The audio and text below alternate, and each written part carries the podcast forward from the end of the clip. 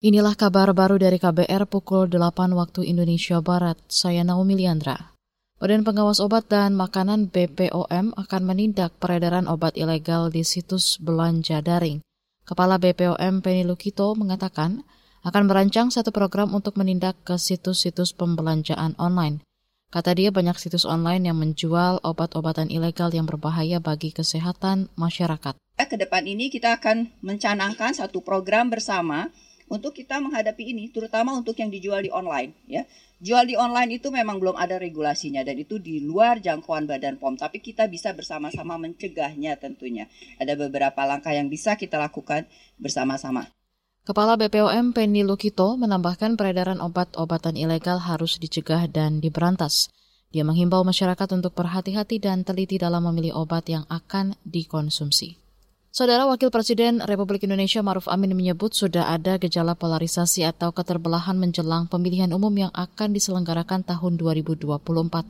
Wapres mencontohkan digunakannya tempat ibadah sebagai lokasi kampanye. Saya kira sudah ada, sudah pernah dilihat. Misalnya pernah ada yang menggunakan masjid sebagai tempat kampanye. Nah itu salah satu indikasi yang kalau itu tidak segera dicegah nanti tempat-tempat ibadah, tempat-tempat pendidikan dijadikan tempat kampanye, kemudian pesantren-pesantren jadi tempat nah, nanti kan pembelahan bukan saja di masyarakat tapi di dalam pesantren, di dalam masjid, di dalam tempat-tempat ibadah.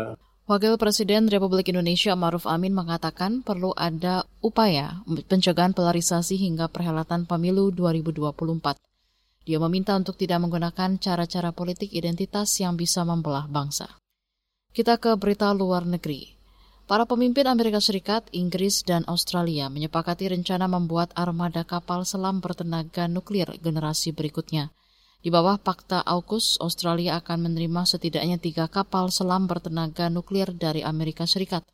Dikutip dari BBC, Fakta AUKUS bertujuan untuk melawan pengaruh Cina di kawasan Indo-Pasifik. Mulai 2027, Inggris dan Amerika akan menempatkan kapal selam nuklir di pangkalan Perth, Australia Barat. Berbicara dengan para pemimpin lain di San Diego, California, Presiden Amerika Serikat Joe Biden menekankan bahwa kapal-kapal itu tidak akan memiliki senjata nuklir dan tidak akan membahayakan komitmen Australia untuk menjadi negara bebas nuklir. Biden mengatakan ketiga negara berkomitmen untuk memastikan kawasan itu akan tetap bebas dan terbuka.